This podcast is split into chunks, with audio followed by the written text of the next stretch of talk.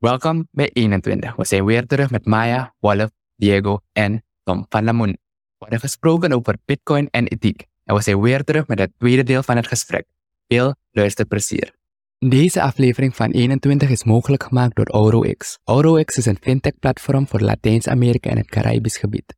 AuroX biedt de gemiddelde persoon de mogelijkheid om Bitcoin en Tether te verhandelen. Ga naar aurox.io om meer te weten. Nogmaals, O-U-R-O-X.io. had, ik had een gesprek met twee vriendinnen van me.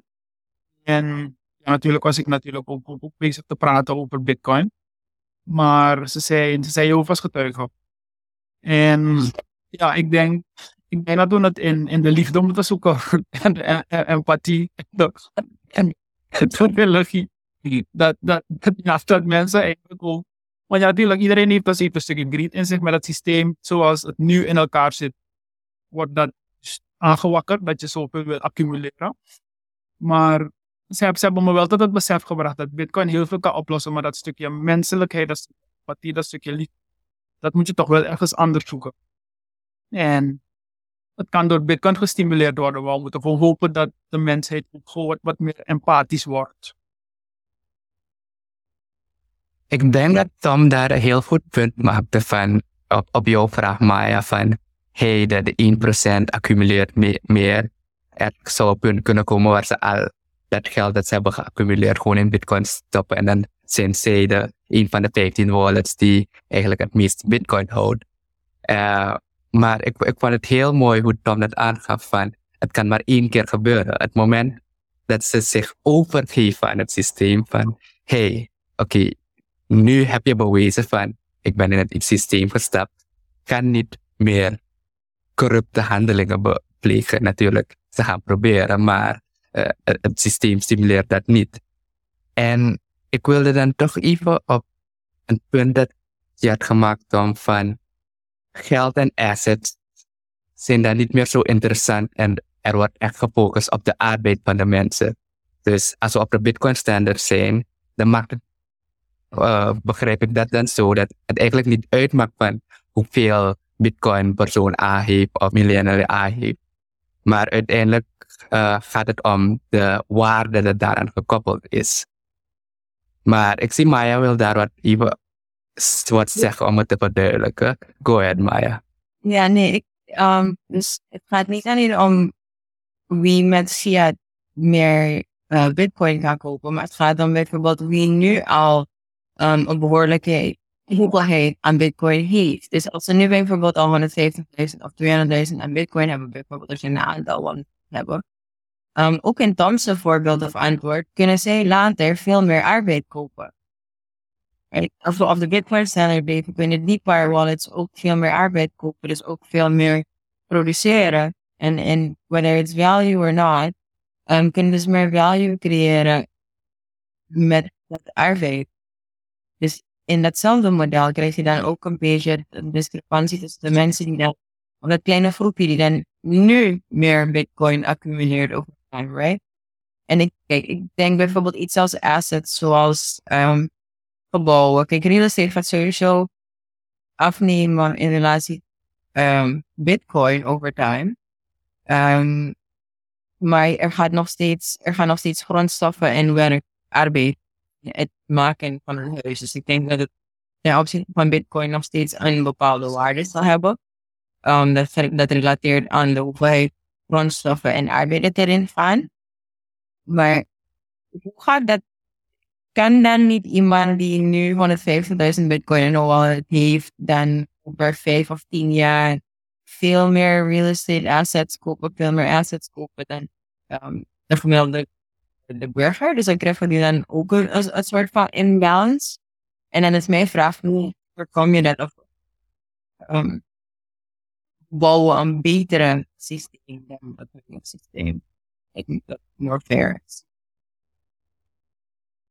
Ja, ja, het is helemaal waar. En, en het punt is, is dat ik denk dat je het niet, je kan niet um, dat, dat tegengaan. Dat, dat sommige uh, mensen uiteindelijk altijd uh, early adopters zijn en, en daardoor het meeste baat hebben bij het systeem. Dat dat zal altijd blijven. Dat, dat heb je ten alle tijden ook in, in de, de normale markt natuurlijk. Hè. Kijk, als jij, als jij iets uitvindt, dan, dan, heb jij, dan loop jij het meeste risico daarop eigenlijk. Dat, dat is ook hoe ik het bij Bitcoin zie. Hè. Kijk, toen Bitcoin nog heel laag stond en heel weinig waard was, was het een enorm risico om Bitcoins te kopen eigenlijk. Want je wist niet van tevoren wat het ging doen. En dat, dat risico is, is ook gewoon iets waard. Dat is ook bij, bij ondernemers. Als jij een bedrijf begint, dan heb jij uiteindelijk het meeste kans om veel geld te verdienen. Maar in het begin heb jij het meeste risico. Want jij moet jouw eigen grondstof, jouw eigen geld, jouw tijd en energie erin stoppen.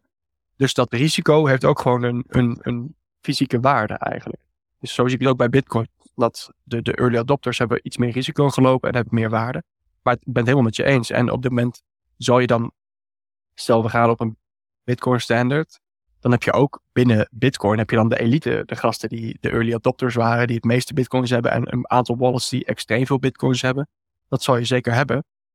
Maar dan kom ik toch terug dat mijn, mijn argument is dat dat um, over een lange tijd kan dat gewoon weer equalizen.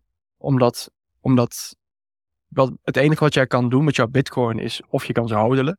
Maar ja, uiteindelijk als jij als op een bitcoin standard zit, dan zal het stabiel blijven, denk ik. Als het breed genoeg geadopteerd is, zeg maar. Dan zal de prijs stabiel blijven. Um, zal nog steeds langzaam omhoog gaan, denk ik, maar in ieder geval redelijk stabiel, zoals nu met goud. En dan het enige wat je kan doen om, om echt rijk te zijn, is wel die bitcoins uitgeven aan de assets die je wil, of aan de arbeid die je wil, of, of wat dan maar ook. En dan, dan zal die bitcoins er dan toch de markt in gaan en zullen andere mensen die bitcoins voor jou kunnen kopen met hun arbeid of met hun assets of met wat dan ook. En, en 100% dat je dan in het begin de, de Bitcoin elite zal hebben met de 50 huizen of weet je, wat, wat je nu ook hebt. Maar nu heb je het met mensen die het onethisch eigenlijk gestolen hebben van andere mensen door een geldprinter of door een bankenelite die op de knop kunnen trekken in plaats van je arbeid. En bij Bitcoin is in ieder geval iets eerlijker gebeurd. Dat zij wel het risico hebben moeten lopen en wel dat geld erin hebben moeten steken. Maar, precies wat je zegt, het is nog steeds um, dat je een soort van 1% zal krijgen. Maar het is niet dat zij die geldprinter hebben. En dat is het allerbelangrijkste. Dus wat ik zeg, op een Bitcoin standard, als het niet meer zo is dat mijn arbeid eigenlijk slavernij is, omdat iemand anders het gratis uh, kan krijgen, door op een druk van een knop dat geld, geld te printen. Als dat weg is, en dat is op een Bitcoin standard, dan zal die verschuiving over een hele lange tijd, tuurlijk, het is, het is gewoon een toekomstperspectief, maar over een hele lange tijd zal dan arbeid uh, het meeste waard worden van mensen. En, en dan krijg je gewoon die onderhandelingspositie van ik ga niet. Dan, dan heb je een gast met uh, heel veel bitcoins. Maar ja, wat, die bitcoin is uiteindelijk in zijn wallet niet zoveel waard als niemand ze van hem wil kopen met arbeid. Die, die arbeid die is gewoon een goede onderhandelingspositie op dat moment. Dus ik zie wel dat op de lange termijn dat het echt een equalizer zal zijn. En dat, dat je dan steeds meer hebt dat die bitcoins gewoon eerlijk verdeeld zullen zijn over de wereld. Maar het dus ik ga even anders proberen ja, te verwoorden wat je daar hebt gezegd over arbeid. Dus eigenlijk zouden we de arbeid als de currency kunnen zien en bitcoin is alleen de tool dat dat faciliteert. Want uiteindelijk is de arbeid dat waarde heeft. Heb, heb ik het goed uh, anders gezegd, laten we, zeggen? Ik heb eigenlijk ook een respons op. Um, ja, um, uiteindelijk wel. Kijk, het is, het is een beetje filosofisch. Dus even, even om terug te gaan, want we gebruiken is nu eigenlijk een, een, een model voor technology development en risk assessment om de hoeveelheid accumulatie in het begin of in de, in de adoption phase is van Bitcoin, maar early adopter phase van Bitcoin. Um, om, om meer te geven of om justify soort van hoe het er later uit zal zien. Maar het initieel idee en de, de reden van, van het van, van het, van het, waarom dit hele ding eigenlijk is gestart, is toch de 2008 crisis en het huidige systeem en hoe het systeem in elkaar zit. En Satoshi heeft ons dus hard money gegeven, sound money, dat de basis is voor een nieuw systeem. Maar dan moeten we toch ook inderdaad gaan denken over hoe gaat dat nieuw systeem eruit zien. Kijk, wat we nu bijvoorbeeld al zien dat resource allocation leidt, en, zelfs in een, in een semi-vrije markt leidt tot accumulation by few. Toch ook in een unregulated um, Bitcoin-markt is het ook gewoon naar de few gegaan. En in de Amerikaanse markt, eh, dat, dat systeem heeft al laten zien dat het in, in, in verkeerd voor niet alleen in Amerika, wereldwijd, dat het niet werkt, het huidige systeem. Dus als je naar een nieuw model, een nieuw systeem wilt gaan, waar inderdaad wel eerlijk verdeeld is voor iedereen, iedereen, iedereen een fair shot, een fair chance heeft, en niet meer wil het nog centraliseerd naar een few, want ik denk dat we ook is dat um, if people are not happy about billionaires, omdat dan resources richting één persoon gaan en uh, ja, die is, dat zorgt ook voor, voor centralization of wealth. Zouden we niet dan moeten nadenken over hoe een nieuw systeem eruit zou zien waar inderdaad de verdeling een beetje fairer is. Want waar je het over hebt is, is nog steeds um, gerelateerd aan het fiat systeem. Weet je, arbeid wordt nog steeds een beetje opgeholpen ten opzichte van het fiat. Want je zegt als bitcoin stabiliseert. Dus dat geeft aan als de prijs van bitcoin in relatie tot fiat um, is gestabiliseerd. Right? Maar ik neem aan, of tenminste, ik ga ervan uit dat we over misschien vijf tot tien jaar al volledig op een bitcoin standaard leven. En niet meer relateren tot fiat. Hoe ziet, dat, hoe ziet dat, die verdeling er dan uit? Want dan heb je mensen met 150.000 bitcoin en de rest van de wereld die um, een fractie van een bitcoin, misschien zelfs een fractie van een Satoshi. Hoe gaat dat? Hoe daar, zorgen? Dat is niet Voordat ik het Tom geef, ik denk wel veel over wat toebekomen. Ja, um, ik, ik zit eraan te denken, want wat moet je niet vergeten, die, die bitcoin heeft een, heeft een fixed amount, dus ik begrijp de vraag van Maya heel goed.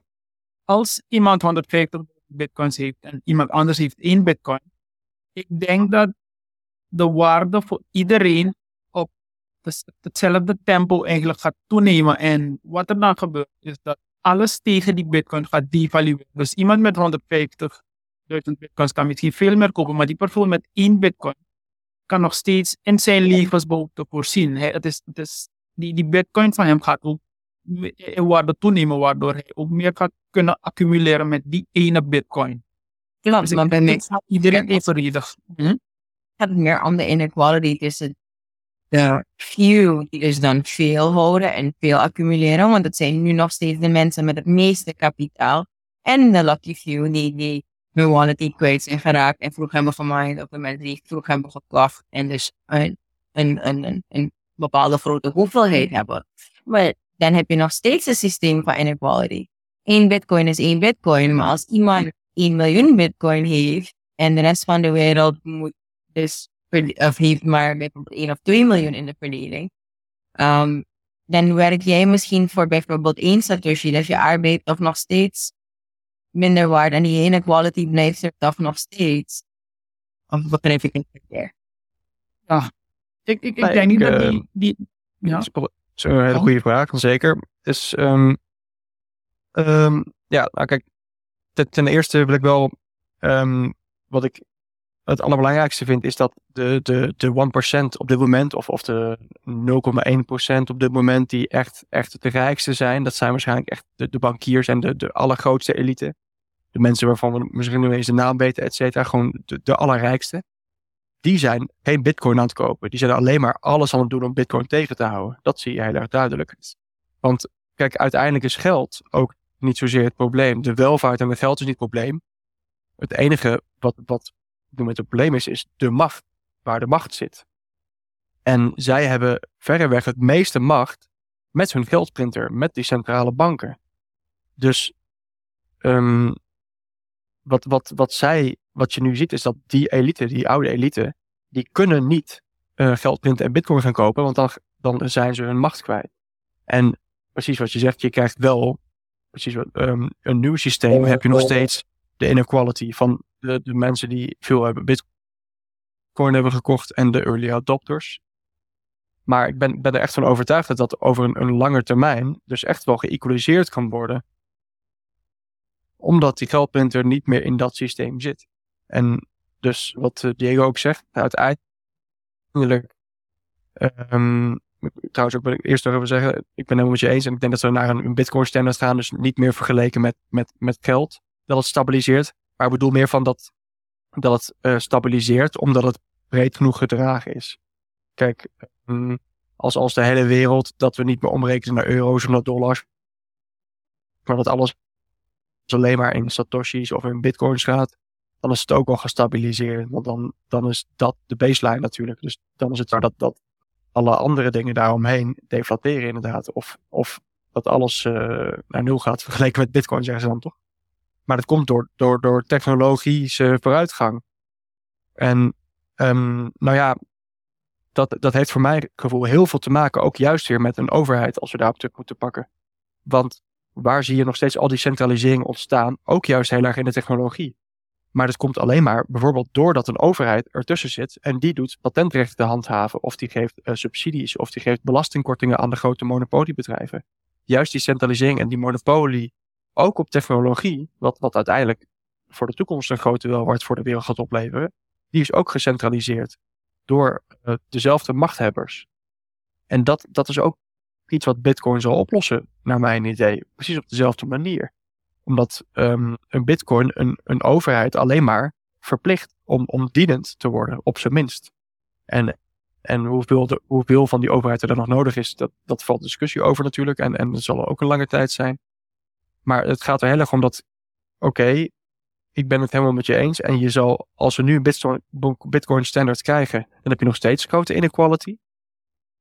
Maar er is nu een kans om dan op de lange termijn die inequality wel weg te gaan werken. En dat is het grote verschil. Want dat, dat zal in het huidige systeem nooit kunnen. Dat zal alleen maar kunnen vergroten, die inequality.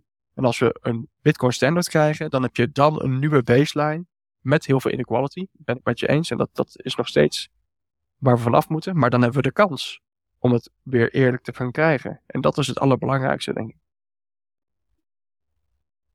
Dus idealistisch, uh, ik ben blij hoe Tom het heeft beschreven. Je, je hebt een nieuwe baseline, uh, maar die inequality is er al. Idealistisch zou de distributie van Bitcoin op een moment gewoon iedereen op aarde, alle 8 miljard mensen, een, een fractie van die 21 miljoen kunnen hebben. Dat, zou een gelijke um, spel zijn. Maar op een gegeven moment, als je kijkt naar hoe gemeenschappen zich hebben ontwikkeld, er gaat een zekere mate van power, van macht naar bepaalde mensen, afhankelijk van hoe ze hun eigenlijk resources kaarten spelen. Je hebt een kennis, je hebt netwerken. Er is veel meer aan waarde. Dus je gaat wel groeperingen krijgen daarvan. Dus ik zie niet dat Bitcoin equality elimineert, maar zoals Tom aangaat, het geeft iedereen de kans om de macht van de grote krachten nu eigenlijk een beetje weg te nemen. Om zelf ook een beetje terug te vechten om naar uh, de top te kunnen komen. Dus dat, dat wilde ik even alleen aangeven. Maar, maar ja, go ahead. Ja, maar kijk, je, je, je, je, je zegt maar je hebt een kans om het, om het dan dus met Bitcoin als hard money anders te doen. Maar ik denk dat we nu al een kans hebben. Bitcoin is already hard money. Bitcoin is al een gedecentraliseerd geld dat duidelijk niet door een partij, zoals bijvoorbeeld in China, um, onder in controle kan, worden kan noemen, of door een Amerika of door een specifiek land. Dus, dus geopolitiek is het al niet meer beïnvloedbaar. Um, het is al bewezen dat het inderdaad als reserve kan dienen voor het land. Uh, El Salvador heeft als die onder.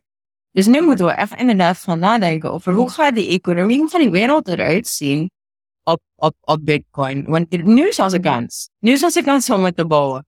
Want als je straks weer, want waar je het over hebt, is een shift of power. Toch? En een shift of assets. Van 1% naar een andere 1%. En dan heb je in de Bitcoin ecosystem heb je ook bad actors en evil people. Weet je, er zijn genoeg um, spelers in de Bitcoin industry die niet ethisch zijn. Daar hebben we genoeg voorbeelden ook gehad. Bitcoin gaat over decentralization en decentralization of power. En als je gewoon een shift hebt in power, dan kunnen we, dan van de bergen dat we tegen de 1% zijn en tegen oud geld zijn. But we create exactly the same system. Dus zouden we niet echt nu moeten beginnen na te denken over how we create a better system. that is better for everyone and that is as decentralized as possible. En dan gaat het niet om wie geluk heeft gehad of wie meer risico heeft genomen in het begin, maar dan gaat het om een collectief denken van hoe gaat deze wereld er nu uitzien, nu dat we dit al hebben, want we zijn al op dat punt. En we kunnen heel snel op een punt zijn waar inderdaad um, meerdere landen uh, erop komen, hyper, hyper uh, bitcoinization komt eraan en het kan heel snel wereldwijd, wereldwijd spreiden, vooral met mobile penetration globally, wereldwijd. In veel landen. Um, hoe gaat die wereld er dan straks uitzien? Gaan we nog steeds inderdaad die 1% hebben met meer dan een, een duizend op hun wallet? Um, or are we going to build a different type of system? Of gaan we het echt inderdaad hebben over something that is fairer, dat in een, in de grote sens echt nu al beginnen te kijken naar hoe een overheid functioneert en hoe landen onderling functioneren. Om een nieuw systeem te bouwen dat wereldwijd inderdaad fair is. Ik denk niet dat global airdrop de oplossing is, maar ik bedoel, I think we should start the conversation, right? Dat we echt, echt erover moeten beginnen te praten. Hoe die wereld eruit zien? En dat we niet kijken naar, of, of niet gaan filosoferen over hoe het er later uit kan zien, maar wat kunnen we nu doen om, om ervoor te zorgen dat, dat het in ieder dat we er naartoe werken en dat het meer gebalanceerd is. Ja, nee, zeker. Ik ben het helemaal met je eens. Maar kijk, dat, dat is, dat is voor, vooral juist het meeste waar ik mee bezig ben in de politiek en de filosofie daarachter. We, we, we weten eigenlijk hoe het ideaalbeeld eruit zou moeten zien. Maar het probleem is de weg naartoe.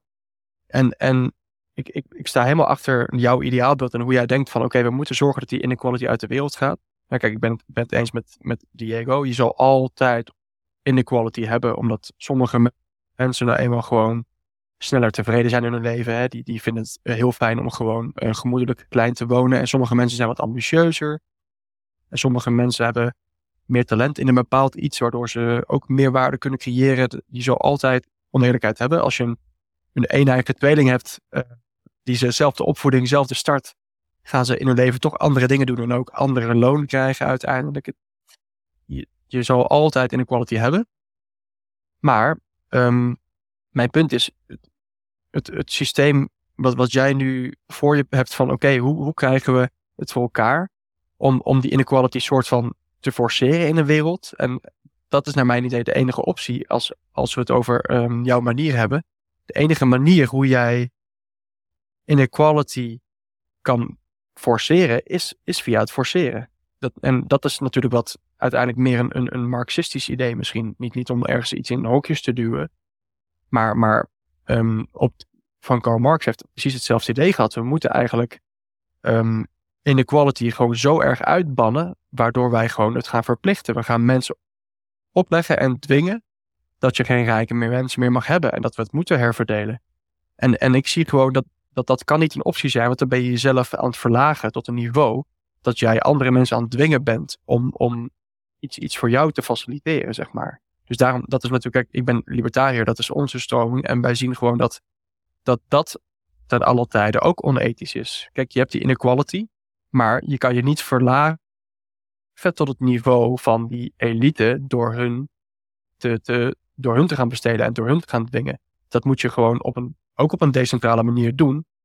Door te zeggen van oké, um, wij, wij zijn gewoon hier mensen, wij zijn dit waard. Um, mijn arbeid is dit waard. Kom maar op, weet je. Maakt mij nou uit dat je zoveel geld hebt. Geld is alleen maar een, een, een ruilmiddel. En bitcoin zal ook alleen maar een ruilmiddel zijn. Uiteindelijk wat de waarde bepaalt in de wereld is, is wat mensen willen. Wat, waar de aandacht naartoe gaat. En mijn aandacht gaat naartoe dat ik een gezin heb en dat ik uh, kan wonen. Dat ik een huis heb, een auto, maakt niet uit. Dat ik genoeg te eten heb. En, en daar zal de waarde weer naartoe gaan.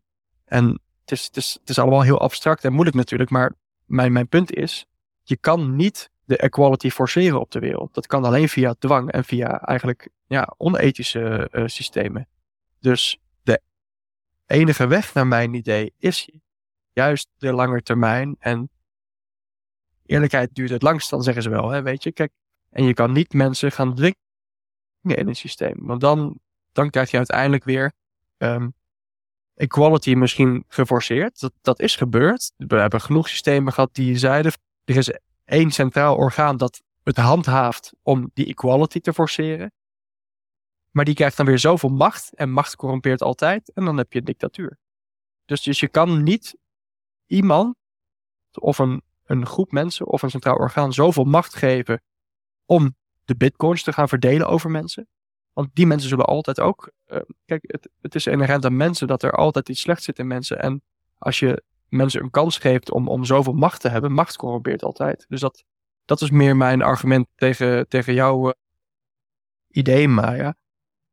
En, en nogmaals, ik ben het compleet met je eens in dat dat zou moeten zijn hoe, hoe we naar die wereld toe gaan.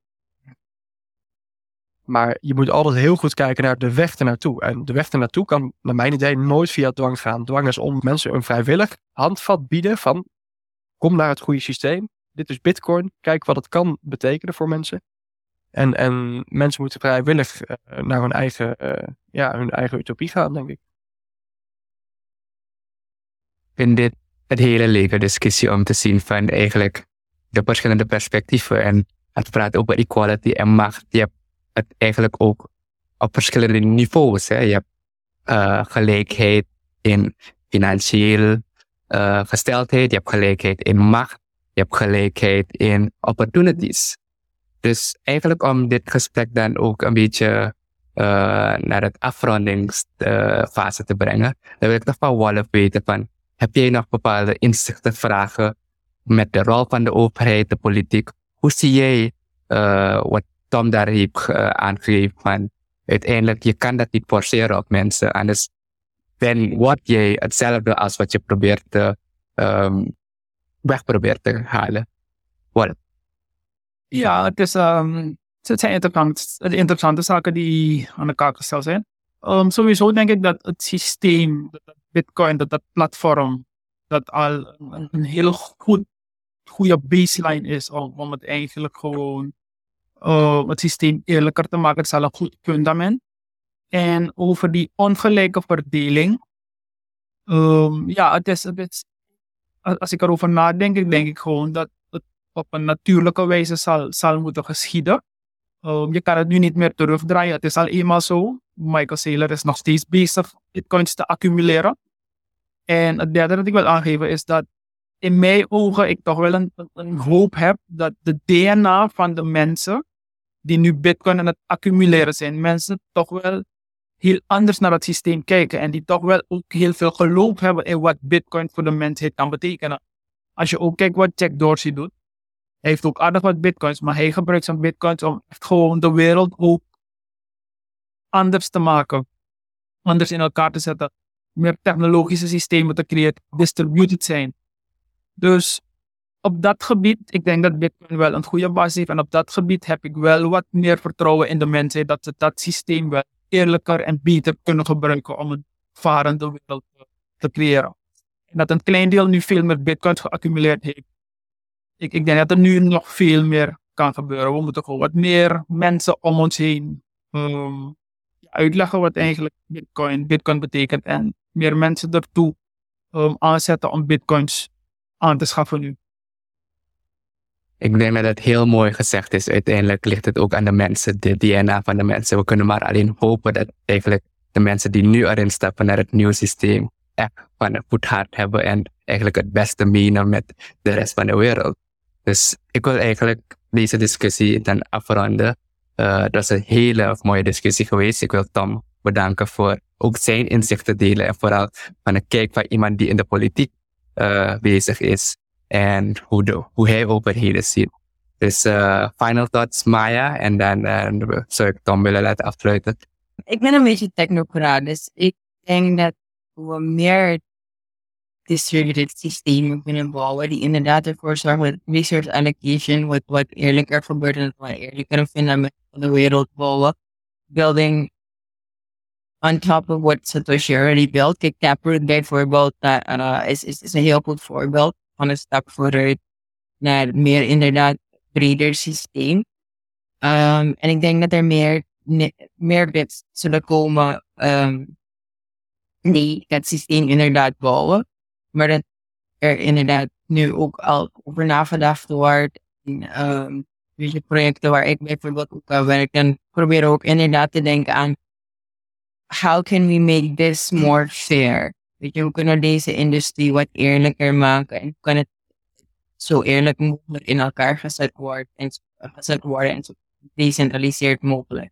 En dan re- re- reken ik echt op technologie, ehm, weet je, in plaats van op, op mensen inderdaad. Want dan meer van, ik mag corrumperen. Dus ik don't trust people, I trust math. So the math needs to make sense. So that is, that is hoe ik het bekijk. En zo bouwen wij dat, dat er ook shift is in de Bitcoin industry, merk ik. Dat mensen wat meer gaan richting inderdaad open source, meer collaborative, wat minder van het is van. Ik, I need to own the IP. Ik moet het hebben, het moet meer technologie zijn. En wat meer um, dat, dat er nu ook een grotere shift is towards more open source and more collaborative. En inderdaad, wat meer gedecentraliseerd denken, wat de ori- originele ethos ook was. Want ik vind dat er nu best wel veel mensen prediken in de Bitcoin industry, maar they don't lead by example, while they should be. So, that's my two cents.